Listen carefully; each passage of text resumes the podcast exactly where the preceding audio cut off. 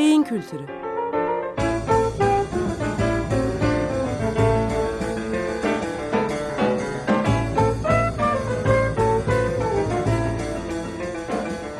Tarihten, sanattan ve edebiyattan örneklerle beyin.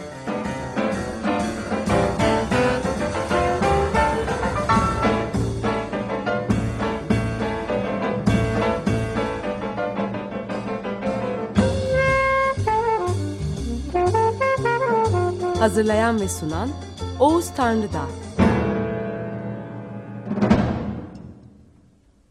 Günaydın efendim. Bugün 3 Ağustos Pazartesi. Beyin Kültürü programına hoş geldiniz.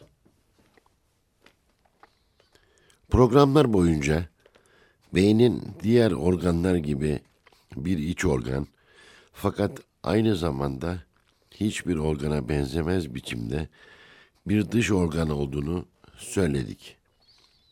Ardından neden iç organ ve aynı zamanda neden dış organ olduğunu gerekçelendirdik. Bunları hatırlayalım. İç organ olması diğer iç organlar gibi her şeyden önce hayatın varlığı ve devam etmesi koşulla bağlıdır. Kısacası tümüyle biyolojik bir gerçekliktir. Hayatın varlığının ve devamının en önemli koşulu da vücut bağlamında kalbin çalışmasıdır. Kalp tüm organ ve dokulara kan pompalayarak ve pompaladığı kanın içinde dokuların ve hücrelerin hayatiyeti için gerekli oksijen ve glukoz gibi metabolizma için gerekli elemanları ileterek bu işlevini sağlar. Bu faktör tıp ve etik açılarından birinci ve en gerekli faktördür. Kalp çalıştığı sürece hayat vardır. Kalp durunca hayat durur. Beynin de diğer iç organlar gibi yaşamını sürdürmesinin biricik ve en önemli koşulu kalpten bu desteği almasına bağlıdır. Kalp beyne kan gönderecek, beyinde çalışacaktır. Bu genel kural içinde sadece beyin için söz konusu olan özel bir kural vardır. Bu kural beynin diğer organlarla orantılı ve ağırlığıyla dengeli olarak değil, her organdan daha fazla miktarda kan almasıdır. Beyin ağırlık olarak vücut ağırlığının yüzde beşini yani yirmide birini oluşturduğu halde kalpten bir seferde pompalanan kanın yüzde yirmisini yani beşte birini alır. Bunun nedeni beynin çok damarlı ve dolayısıyla çok kanlı bir organ olmasıdır. Aynı zamanda işlevsel olarak da çok sayıda işleve sahip olması bunun gerekçelerinden biri sayılabilir. Gerçekten de beyin hem yüzeysel hem de derin, derin yapılarını kapsayacak biçimde adeta bir eldiven gibi damar ağlarıyla örülmüş bir organdır. Kalbin belirli bir vuruş sayısıyla ve basıncıyla attığı kan damarlar yoluyla beynin en ücra köşelerine ulaştırılır. Beynin kalpten yeterli kan aldığını biz beyin işlevlerinin normal biçimde sürmesiyle dolaylı yoldan anlarız. Ancak beyin kan basıncındaki ve miktarındaki her değişimden dolaysız bir şekilde etkilenmeyecek şekilde kendi içinde de bir süregenlik ve dayanıklılık mekanizmasına sahiptir. Bu mekanizma beyni kan basıncındaki her değişiklikten etkilenmeyecek biçimde korur. Kan basıncının yani tansiyonun ortalama değerinin 12 bölü 8 ya da 120 bölü 80 olduğunu düşündüğümüzde beynin işlevlerinin normal biçimde sürdürebilmesi, yani bilinçlilik halinin, dikkatin, algının, belleğin, çeşitli durumlara yönelik karar mekanizmalarının sürdürülebilmesi sadece bu değerlere bağlı değildir. Büyük tansiyon dediğimiz 12 değerinin 7 ve 18 arası değişkenliklerinde beyin normal işlem görmeye devam eder. Bu mekanizma evrimsel olarak gelişmiş bir savunma mekanizmasıdır. Beynin iç organı olarak özellikleri genetik yapısına sıkı sıkıya bağlıdır. Bu genetik yapı beynin hasar gördüğü ya da işlevlerinin riske girdiği durumlardaki direnme ve yenilenme gücünü belirler. Buna beyin esnekliği denilir. Beyin esnekliği herkeste farklıdır. Beyin esnekliği ile ilgili genetik mekanizmalar iki ayrı yönde çalışırlar. Birinci mekanizma hücre ölümünün hızıyla ilgili mekanizma, ikinci mekanizma ise hücre yenilenmesinin hızıyla ilgili mekanizmadır. Birinci mekanizmanın baskınlığıyla e, yaşlanmayı, ikincinin baskınlığıyla ise yaşına göre genç kalmayı ilişkilendirebiliriz. Beynin hasara ve yıpranmaya karşı sahip olduğu esneklik doğuştan ve soya çeken bir özelliktir.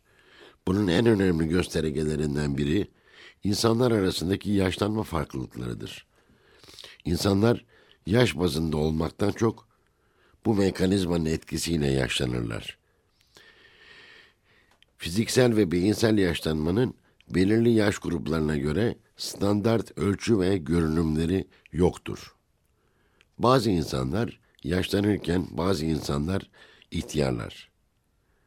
İhtiyar kelimesinin düşkünlük anlamını içermesi bundan dolayıdır. Bunu vurgulamak amacıyla kullanımdan dolayıdır. Normal yaşlanma kavramı tartışmalı olmakla birlikte biraz önce sözünü ettiğim aksi yönde çalışan iki genetik mekanizmanın bir çeşit dengesini yansıtır. Bu genetik mekanizmalar her organın yaşlanması için farklı bir anlam taşırlar. Bazı insanların kalbinin yaşlanması beyninin, beyninin yaşlanmasından farklı hızda olabilir. Bazı insanların kemik eklem sisteminin yaşlanması diğer organların yaşlanmasından aynı şekilde farklıdır. O halde homojen mi? Biyolojik e, ünitleri için hep aynı anlam ifade eden bir yaşlanma kavramından söz etmiyoruz. Zaten ölüm nedeni olabilecek hastalıkların farklılaşması, bunların e, farklı sıralar halinde dizilmesi bunu yansıtmıyor mu? Özet olarak insanlar farklı normal yaşlanma ölçülerine sahiptirler. Yaşlılık kavramlarının soya çekim özelliği çok açık biçimde aile mensuplarının yaşlanmalarıyla benzeşir. Uzun yaşayan aileler olduğu gibi nispeten kısa yaşayan aileler de vardır. Yaşlanma kavramının bu normal gerçekleşimi dışında beyin esnekliği özelliğinin farklılığı erken yaşlanan ve geç yaşlanan insan gruplarını ortaya çıkarır. Erken yaşlanma fiziksel, işlevsel, psikolojik ve sosyal göstergelere sahiptir. Fiziksel olarak erken yaşlanan kişiler kendi yaş gruplarının içinde fark edilirler. İşlevsel anlamda yine kendi yaş gruplarının halen içinde bulunduğu mesleki işlevlerden soyutlanmış durumdadırlar. Bunun sonucu sosyal anlamda erken emekliliktir.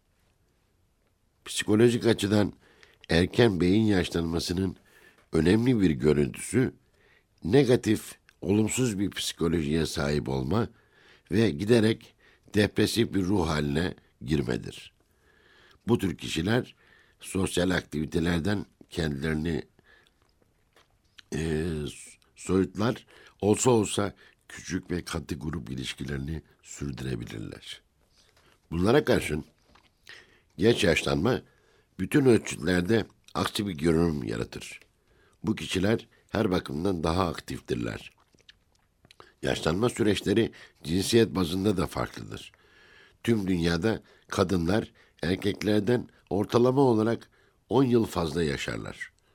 Bu faktör bazı yaşlanma hastalıklarının sıklığını da tabii ki doğal olarak etkiler. Örneğin kadınlarda Alzheimer hastalığının erkeklerden daha fazla görülmesinde bu faktörün rolü olsa gerektir.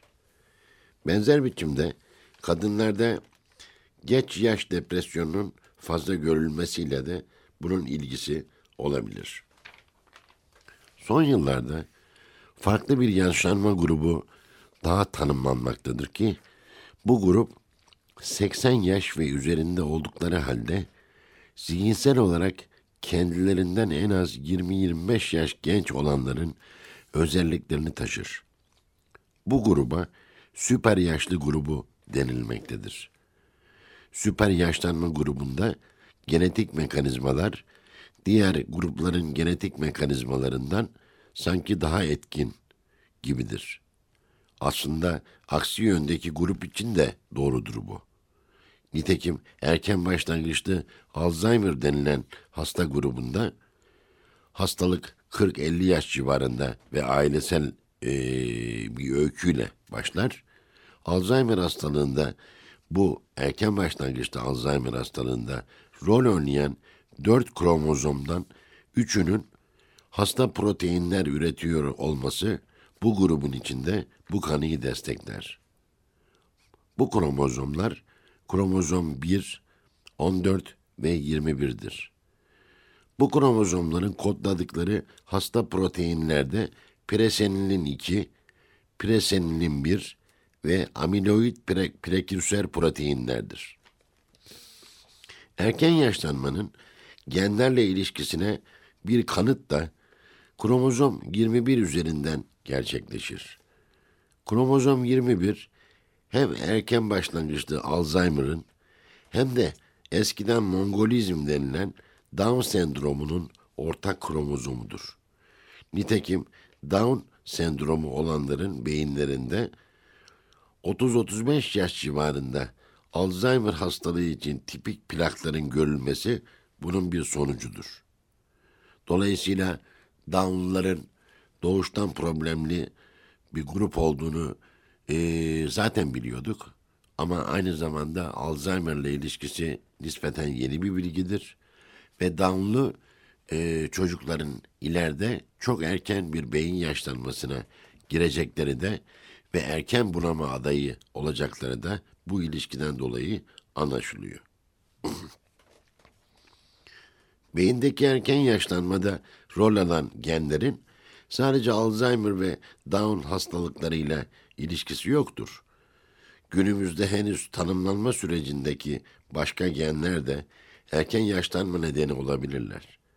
Örneğin başka başka anormal proteinlerinin oluşumuna neden olan genler beyin damarlarında erken yaşlanmaya neden oldukları gibi beynin Alzheimer'da etkilenen bölümlerinin dışındaki diğer bölümlerin de erken yaşlanmasına neden olan farklı hastalıklar söz konusu olabilir. Bunlar arasında damarsal bunama ve davranış bunaması, ön lob bunaması yer alır. Damarsal bunama, beyin damarlarında erken tıkanma ve kanamalara neden olurken, ön lob bunaması ya da davranışsal bunama, beynin karar, yargı, yürütme ve yönetici merkezlerinde yıpranmaya yol açarak sosyal anlamda büyük bir yetersizlik e, e, sonucuna ulaşırlar. Beyindeki yıpranma ve erken yaşlanma süreçlerinin etkili olduğu diğer hastalıklar arasında Parkinson hastalığı ve çeşitli psikiyatrik durumlarda yer alır. Bunlar da nispeten yeni bilgiler arasında yer almaktadır. Eskiden Parkinson hastalığı sadece hareket sistemiyle, titremeyle, hareketlerin yavaşlamasıyla ilgili bir hastalık olarak kabul edilirken, bugün için beyni erken yaşlandıran ve belli bir süre sonra bunamayı neden olan bir hastalık olarak görülmektedir.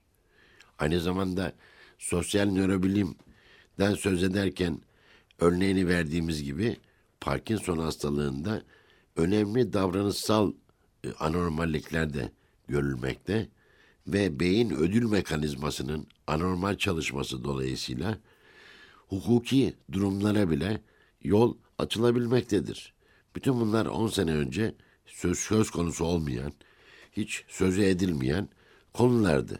Demek ki e, yenilik bilimsel anlamda sadece yeni olguların ve fenomenlerin ortaya çıkmasıyla olmuyor. Aynı zamanda eskiden beri inanılan, eskiden beri sözü edilen durumların ve durumlarla ilgili kavramların değişmesine de yol açıyor. Bu değişim kavramı önemlidir. Bilimde hiçbir anlayış, inanç ve varsayım sonsuza kadar geçerli değildir. Yoksa üzerinde durduğumuz zemin bilim olmaz. Aynı durum psikiyatrik hastalıklar için de söz konusudur. Hastalıklar derken biraz duruyorum.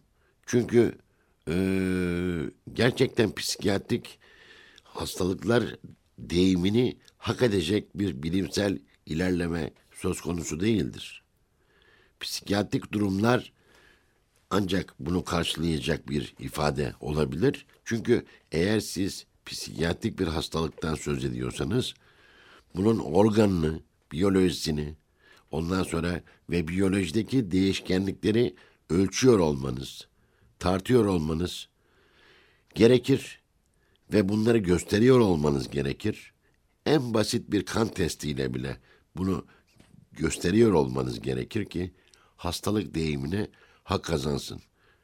Ne yazık ki 21. yüzyılın başlangıcındaki bir evrede insanların Plüton'un resmini çektiği ve oraya gitme hayalleri kurduğu bir dönemde psikiyatrik durumların hastalık olarak ifade edilmesinde bir yetersizlik içindeyiz. Çünkü bunların biyolojik karşılıkları yok. Parkinson hastalığı tabii bir nörolojik bir hastalık olarak belirli bir yaştan sonra başlayan tipik bir erken ve yaşlanma erken yaşlanma hastalığı olarak artık kabul ediliyor. Eskiden e, ne, nereden geldiği belli olmayan, nedenleri bilinmeyen, titremeyle, e, hareket e, azalmasıyla karakterli, kimde olacağı bilinmeyen bir hastalık olarak değerlendiriliyordu. Ve nedeni bilinmiyordu. Ama bu hastalığın genetik bir hastalık olduğunu ve en az yedi geninin olduğunu bu, bugün söyleyebiliriz.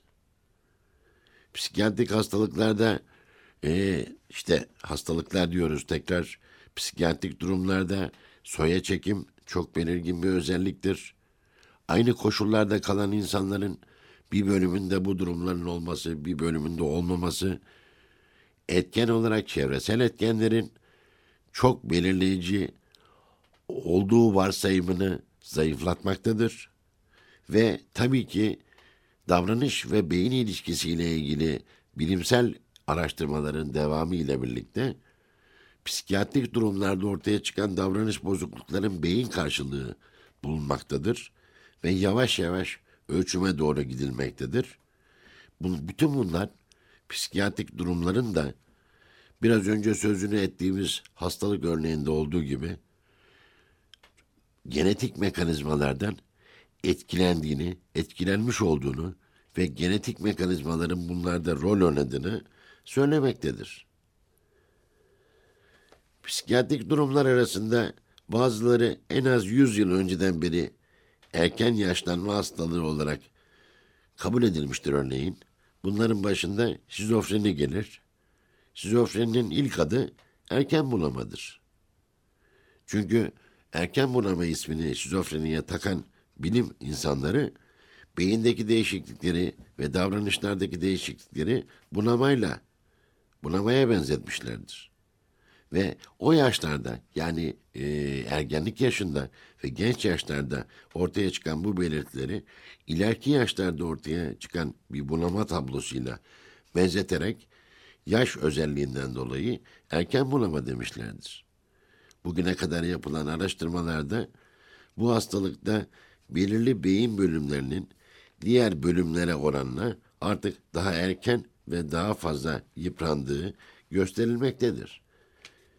Bir nörobilimci olarak psikiyatrik durumların, ciddi psikiyatrik durumların ee, biyolojik faktörden bağımsız, beyinden bağımsız ve başka etkenlerin tamamen belirleyiciliğinde olduğunu kesinlikle reddediyorum ve bunu bilimsel, bu anlayışı bilimsel bulmuyorum. mutlaka açıklama yollarının içinde tek olmayabilir. Açıklama alternatifleri içinde, hipotezleri içinde mutlaka ve mutlaka biyolojik faktör olmalıdır. Eğer olmazsa psikiyatriye bir tıp branşı demek de söz konusu olmaz. Çünkü tıp branşlarında hastalıklar ve hastalıklar ya sistemlerin ya organların hastalıklarıdır. Bu hastalıkların bir e, göğüs hastalıkları uzmana uzmanına senin hastalıklarının organı nedir diye sorduğumuzda akciğer diyecektir. Bir kardiyoloğa aynı soruyu sorduğumuzda kalp diyecektir. Bir nefre, nefroloğa aynı soruyu, sor, soruyu sorduğumuzda böbrek diyecektir. Peki psikiyatrik durumlarıyla ilgili uzmanlık kazanan insanlara sizin durumlarınızın durumlarınıza yol açan organ hangisidir diye bir soru sorduğumuzda hala bu soru bir yadırgamayla karşılaşmakta ve cevapsız da kalmaktadır. Böyle kalsa da biz onu net olarak söyleyelim. Psikiyatrik durumlara yol açan, bozukluğu olan organ beyindir. Psikiyatrik durumlar hem genetik hem ailesel bağlantılar içinde beyin hastalıklarının yol açtığı durumlardır. Ha, bu aynı zamanda başka etkenlerin, çevresel etkenlerin, şu etkenin bu etkenin rol sahibi olmadığı anlamına gelmez. Hayır, ayrı uçta yer, al, yer almak söz konusu değil. Ancak psikiyatriden bahsederken onu psikolojiyle özdeşleştirmek bu mesleğe yapılacak en büyük şeydir, e, zarardır ve ve kayıplara yol açmaktadır. Yeni nesiller psikiyatrik durumlara ilgi duyarken önce beyin mekanizmalarını öğrenim, öğrenmek durumundadırlar. ve diğer psikiyatrik durumlar sadece bu psikiyatrik durumlar e, şizofreniyle de sınırlı değildir. Depresyon içinde de e, benzeri sözler söylenebilir. Depresyonla Alzheimer hastalığı arasındaki ilişki sağlam bir kanıttır. Yaşamları boyunca kronik depresyon olanlarda ileride Alzheimer hastalığına yakalanma riskinin en az iki misli olması nereden gelmektedir? Erken başlangıç belirtilerinin Alzheimer hastalığıyla depresyonun major depresyon denen ciddi depresyon rahatsızlığının başlangıç belirtilerinin neredeyse ayrılamayacak derecede birbirinin içine girmesi nereden gelmektedir? Belirtilerin benzerliği nereden gelmektedir? Bugün için depresyonun hangi beyin bölümünün yetersiz çalışmasının eseri olduğu net olarak metabolik ve işlevsel çalışmalardan bilinmektedir.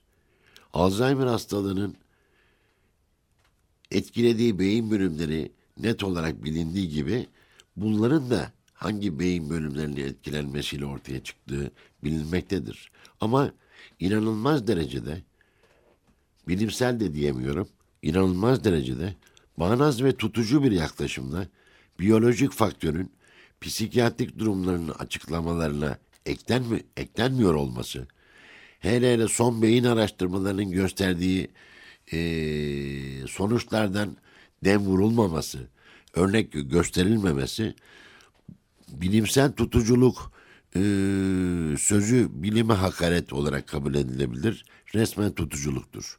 Bu meslek grubunun bu meslek grubunun problemlerini e, açıkçası önümüzdeki yıllarda kendisi halletmek durumundadır. Onun dışında bir psikiyatri olacağını ben varsaymıyorum. Sosyal psikiyatri diye bir şey olabilir. Ama sonuç olarak sosyal ortamda ortaya çıkan psikiyatrik durumların ele alınması, psikiyatrik durumların ortaya çıkmasına yol açan biyolojik faktörlerin e, ele alınmamasını ve onların değerlendirilmemesini hiçbir şekilde gerektirmez. Dediğimiz gibi psikiyatriden söz ederken bunun organından söz edeceğiz. Bedenle ilişkisinden söz edeceğiz. Beyinle ilişkisinden söz edeceğiz.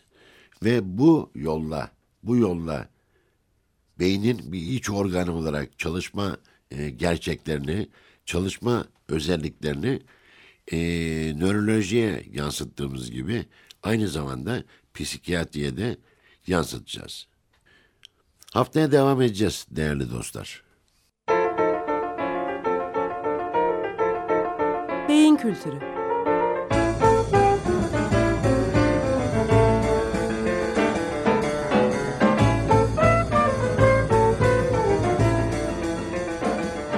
Tarihten, sanattan ve edebiyattan örneklerle beyin.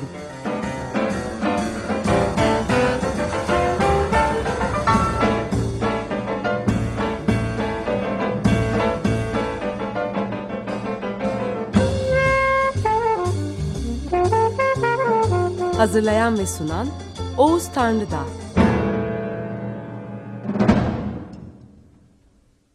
Açık Radyo program destekçisi olun. Bir veya daha fazla programa destek olmak için 212 alan koduyla 343 41 41